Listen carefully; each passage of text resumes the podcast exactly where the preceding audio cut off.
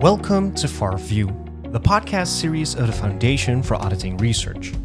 In this podcast, we interview academics and professionals regarding the practical relevance of academic research in the field of auditing. The Foundation for Auditing Research is an autonomous institute focused on developing and disseminating scientific knowledge concerning audit quality in the Netherlands.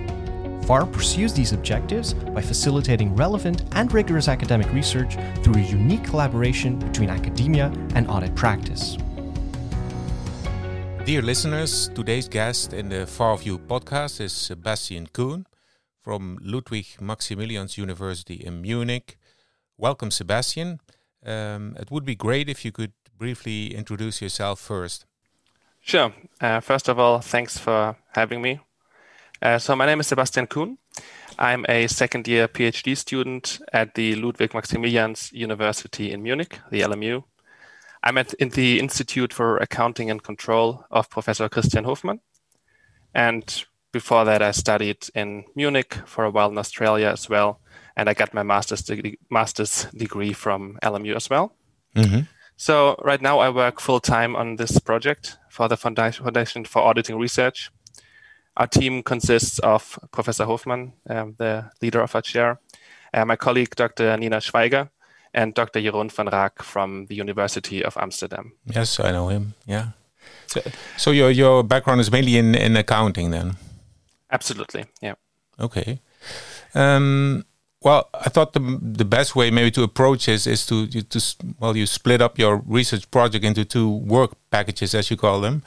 Uh, one of them is kind of general uh, understanding the relevance of internal control quality mm -hmm. for, for audit quality.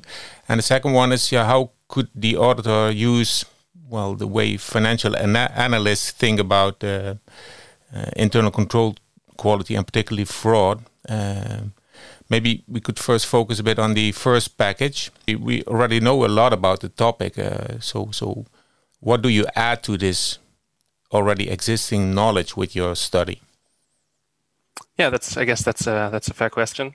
So obviously, this entire field of research, the audit of internal control systems, is a very relevant topic. Uh, we've just only recently seen this here in Germany with the, the Wirecard case, mm-hmm. and so we're not the first ones to to realize how important it is and to study it. Mm-hmm. I think uh, something that we realized is that a lot of the studies in this field use publicly available data. And this publicly available data is just a little bit broad, it's a little bit unspecific, and it kind of lacks the ability of the studies using it to make statements in terms of causality. So, if, if I can just use uh, academic language here for a 2nd mm-hmm. So, the idea is that internal control quality and audit quality, the two most important uh, variables here, they're both uh, endogenous. Mm-hmm. It means uh, that they're determined as the result of other variables within our broader model. So, empirically speaking, any association between these two var- variables would be due to the variation of an ex- exogenous variable. So, what this means for us is but basically, what we're looking at here is um, what is known as the audit risk model, which I guess is uh, a pretty uh, common idea. Mm-hmm. So the relationship between internal control quality and audit quality, and of course, audit effort.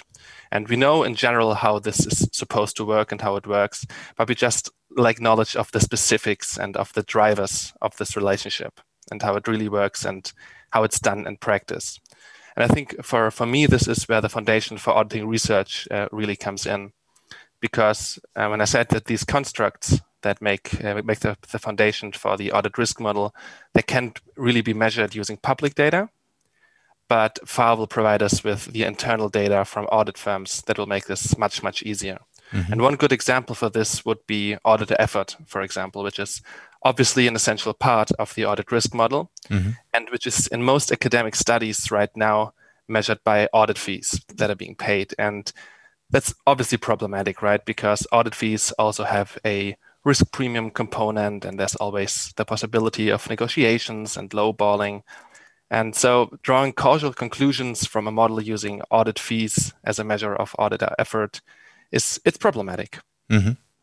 So, so how are you going to do that? So, from what we've seen so far, uh, far it's um, it's going to be much easier for us to measure auditor effort because we will have the data of the hours spent by auditors or by um, the personnel of audit firms of different ranks on any given engagement. And that's going to be a very precise measure. And it's also going to reflect the decision made by the audit firm behind the engagement. And that is um, what I was talking about earlier about uh, the exogenous variable. Mm-hmm. Because obviously the audit firm makes an, some kind of assessment on how much personnel and um, yeah, how, many resources to allocate to any engagement. And we will be able to measure that very, very precisely because we will know exactly how many hours any auditor of any given rank will have spent on the engagement. Mm-hmm. So, how do you relate that to the internal control quality then? How do you measure that? Um, that's also a good question. Um, so, internal control quality is, of course, always going to be a little bit more difficult to measure. But for us, the most important part is how in, uh, internal control quality is assessed by the auditor. And obviously, we will have that data as well. That's probably uh, the other really important variable for us is how the auditor assesses internal control quality. Mm-hmm. And then we will be able to, to see how they actually react to their assessments and if they later change their assessments or if that assessment turned out to be correct in the first place. Mm-hmm. Well, that already sounds like a daunting task to me. but yeah, it is. But, but, but you add a second uh, major part how financial analysts can uh, be used as an information channel for auditors in assessing inter internal control quality. Uh, that seems, well, to me, it seems like more innovative topic in your study, uh, apart from the method you use. So maybe you can tell a bit more about that uh, idea. What's the idea behind this uh, work package? Gladly. So I guess when you first hear that, the idea that financial analysts can help auditors assess uh, internal control quality, um, it's it, as you say, it's a little bit more innovative and a little bit more more out there. So I think uh, to understand where we're coming from with this idea, uh, it's important to to understand uh, two things that we're coming from. So basically, the first is that financial analysts actually care about internal controls. That is, that they have an incentive to gather information about internal control quality. And second, that they actually have information on that as well that auditors might find useful.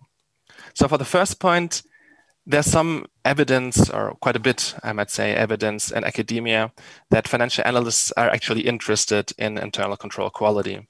And that's, of course, because internal control weaknesses directly affect the firm's operations.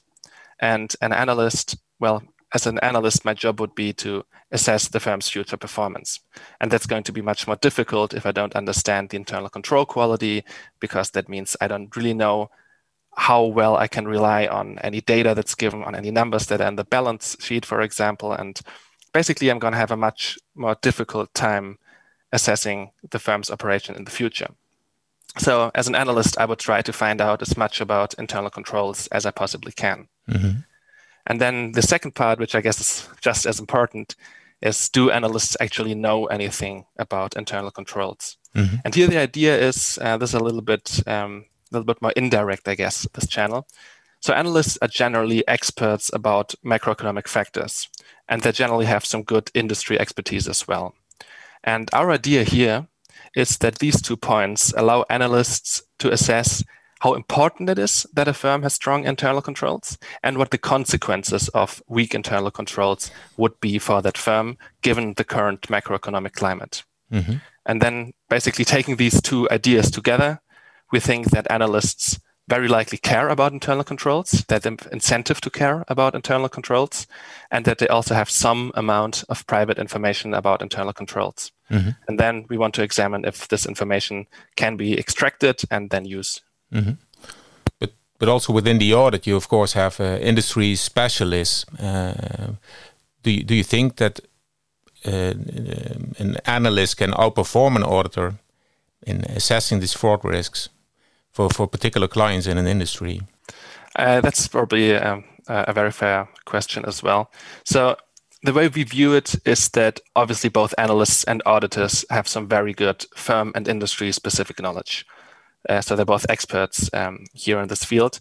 The way we view it, analysts probably care more about future developments, and auditors have a stronger focus on uh, current and, and, and, past data.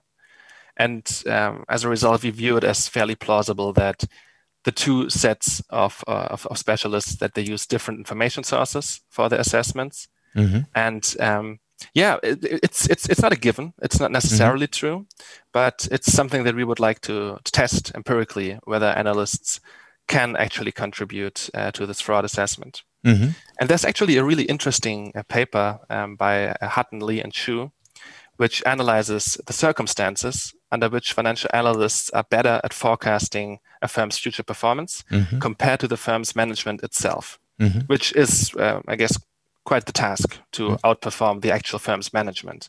But the authors of this paper they find that the financial analysts have an advantage under very specific circumstances. That is when macroeconomic factors such as uh, the GDP growth currently have a uh, are the most important driver behind firm performance. Mm-hmm.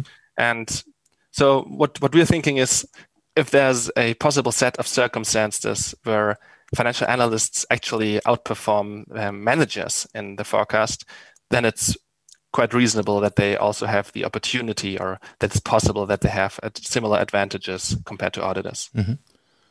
So, so in the study, are you particularly going to look at what the potential uses for an auditor might be from the information in the analyst meeting?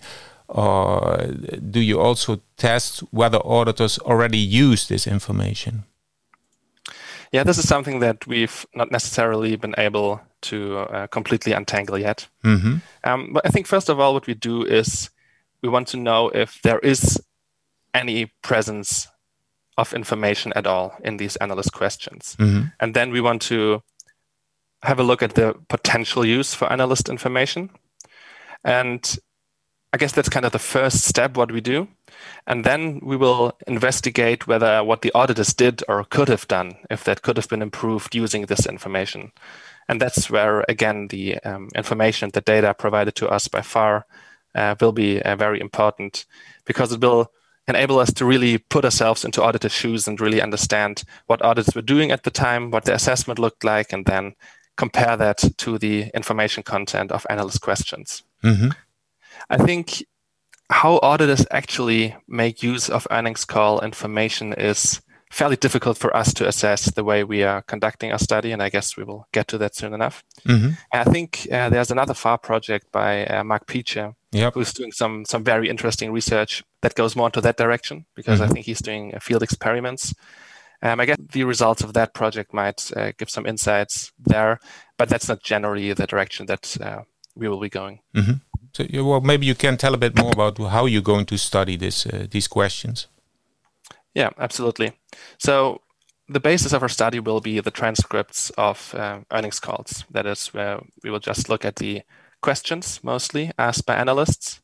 We will not really focus on the answers by managers. Mm-hmm. And then we will put the questions into relation with the internal control quality of the firm in question. That is the firm that was holding the earnings call. And then we will use the FAR data for that, of course, um, on internal control weaknesses and how the auditor assessed the internal control quality of that firm, and look for systematic relations in the type of questions that the analysts were asking in such earnings calls where the internal control quality of the firm later turned out to be especially high or more interestingly especially low is it possible that maybe the analyst learns from the auditor yeah, I mean the the the, audit, the analyst would absolutely, I guess, would absolutely love to to learn from the auditors mm-hmm. because that is probably the the, the type of data that uh, analysts like um, mm-hmm. like access to. Um, we have been uh, talking about this, but I guess the information channel isn't 100% clear mm-hmm. in that direction of how um, auditors and financial analysts would, would interact yeah, again, it's, it's, it's definitely something analysts would be interested in because there's uh, quite some interesting literature on the type of information that financial analysts are actively looking for. Mm-hmm. And what they really want is to understand the the internal processes of a firm at the most detailed level, mm-hmm. and that is, I guess, exactly what auditors have access to. Mm-hmm.